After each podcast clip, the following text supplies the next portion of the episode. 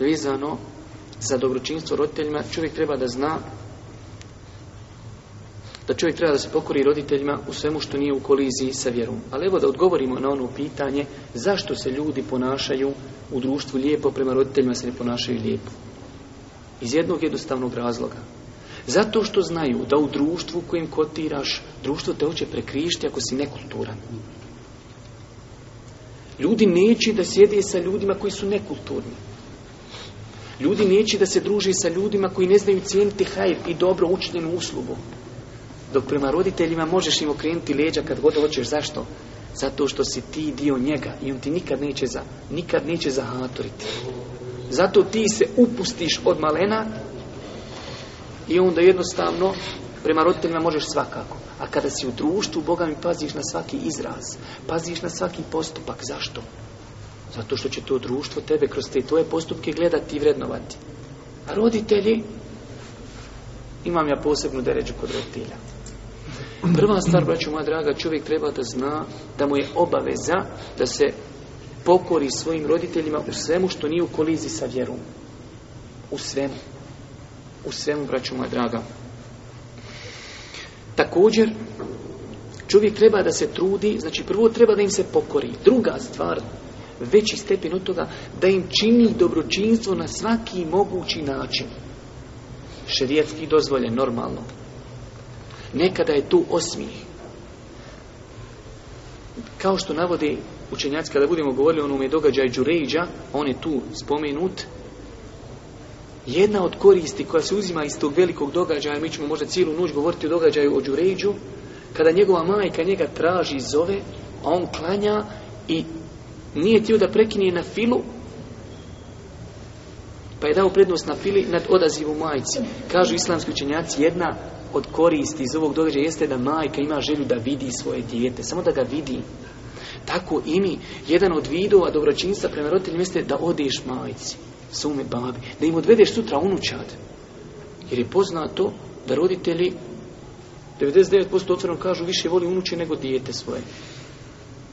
I treba paziti na njihov odnos, na, na, njihovu ljubav prema tim unučadima. Ne samo dijete nazove unuče deda i kaže kako si, dobro sam izašao stvar. Drugo je tu, a drugo je da on vidi to unuče, da vidi kako ono trči. Da ga posjeti na tebe kad si bio malen. To su stvari, znači, ne samo da se trebaš po onome što ti traži, čak šta više, na svaki dozvoljen način da im činiš dobročinstvo. Također, braću moja draga, da ih pokušamo razveseliti na svaki mogući ispravan šerijetski način. Također, da se pazimo prigovora.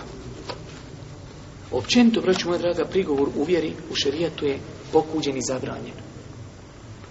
A kako tek prema onome prema kojem se ne možeš nikad iskupiti, njemu ne smiješ pomisliti da prigovoriš. Nažalost, dešava nam se, sjedi, pa zar vam nisam dao sto maraka prije šest mjeseci? Zar vam nije dosta? Da Bog, da vi se zasitili. I takve izraze slušamo, znači, kada je u pitanju od, pa zar vam nisam došao prije tri mjeseca, šta hoćete, da vam svaki dan visim kod vas? Ne merem, stignite. I tako. znači, braću moja draga, nema prigovora na dobročinstvu roditeljima. Prigovor je u osnovi pokuđen, a kamo li pokuđen prema roditeljima. Tu ne smije da bude, vraću draga, nikako. Također, večeras ćemo o tome govoriti, od potpunosti dobročinstva prema roditeljima jeste da se daje prednost majci nad babom. Mi jesmo svi muškarci i neka smo, ali je vjera, vjera. I temelji vjeri su temelji. Nemoj sutra kad imadneš djecu i dijete bude dalo prednost majci nad tobom da se ljutiš. Ne smije on tebe zakinuti, ali mora dati majci prednost nad tobom. Boži poslanik, kao što ćemo vidjeti večeras u ovom hadisu, tri puta. Kome je da čini dobročinstvo? Majci. Kome je da čini dobročinstvo? Majci. Kome je da čini dobročinstvo? Majci. Kome je nakon toga? Babi. Mi smo imali prvo poglavlje gdje Allah subhanahu naređuje muslimanima, ljudima, da budu pokorni roditeljima dobročinstvo. Znači roditeljima osnovu naredba da se čini dobročinstvo. Ali prednostima majka. I ne smije niko u srcu da nešto osjeti. Majka ga je nosila u stomaku, ti to nikad nisi znao. Majka ga je rodila, ti to ne možeš zamisliti s kakvim bolovima. Majka ga je odgajala. Majka ga je hranila iz svojih grudi. Majka ga je presvačila. bi jednom u tri godine mati kaže, haj promijenimo pampers. Ti po, po crveniš, po zeleniš, poplaviš. Što ja moram? Smrdi, ne mere, nikako.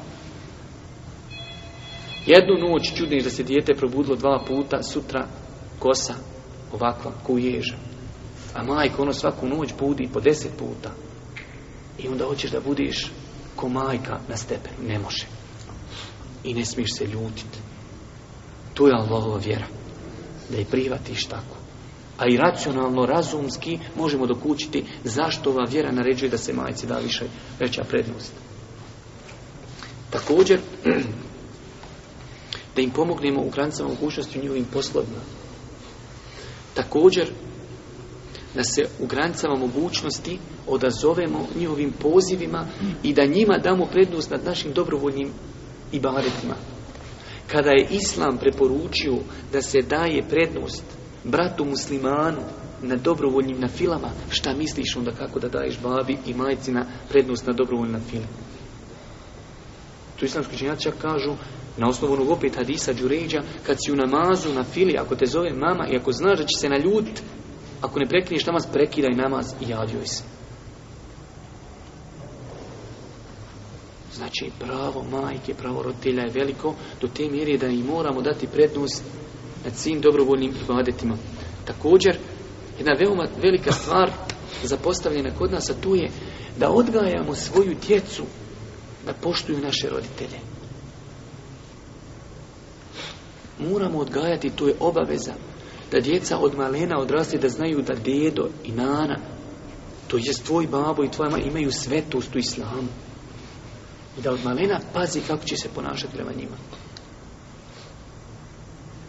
Također, braću moja draga, velika stvar zapostavljena također, a interesantna i stvar koju možemo pridobiti ljubav svojih roditelja i njihovu pažnju, da ih konsultujemo. Sutra hoćeš pokrenuti biznis, dođeš kod majke i babi. A njima je dovoljno samo da ih upitaš. On će sam kazati, deti sine, kako ti misliš. Ali oni su shvatili svoju veličinu zato što si samo pitu. Ja bi da se ženi, ja bi da otvaram firmu, ja bi taj posao, ja bi da putujem, ja bi to, šta vi mislite o tome? Oni će te, šta ti sin, pa ja bi tu, bismila, nek ti Allah budi na pomoći. Osim ako vide da je dalalet i zabluda doješ kaš babo, misliš koliko da uzmem dozu droge, 20 i 30, a nemoj si morali kako bez toga. Normalno je to. Ali ga pitaš o hajli stvarima, normalno će treći. reći, sine, kako ti vidiš? Ali si mu time dao do znanja da on ima svoje mjesto kod tebe. Da ti nećeš radit osim s njihovom dozvolom. Hoćeš kupit plac zorište, evo šta mislite? Evo ja sam ured kupio, ali šta vi mislite? Daješ im do znanja da je to već tvoja ali evo ipak imate. Ma maš, bi smjelo. Znači, velika je to stvar njima. I to treba, braću moja draga, svakako onaj oživljavati također. Ne smijemo zaboraviti na svoje roditelje u dovama. I dok su živi i kada preseli. Nerijetko nam se dešava da ljudi svati iz razno raznih razloga na mjesto roditelja u svome životu nakon njihove smrti. I ima opet mogućnosti, vraću moja draga, prema, za dobročinstvo, obaviti hađ za njih, udjeliti sadaku za njih, doviti za njih. Či znači, velika je stvar, vraću moja draga, doviti za svoje roditelje, na kraj krajeva paziti na oni koji su oni voljeli u toku svog dunjaločkog života. Znači, da čovjek pazi na određene ljude za kojeg ih ne viže ništa drugo osim zato što su bili prijatelji njegovim roditeljima. To su sve, ajde da kažemo, određene vrste dobročinstva prema roditeljima.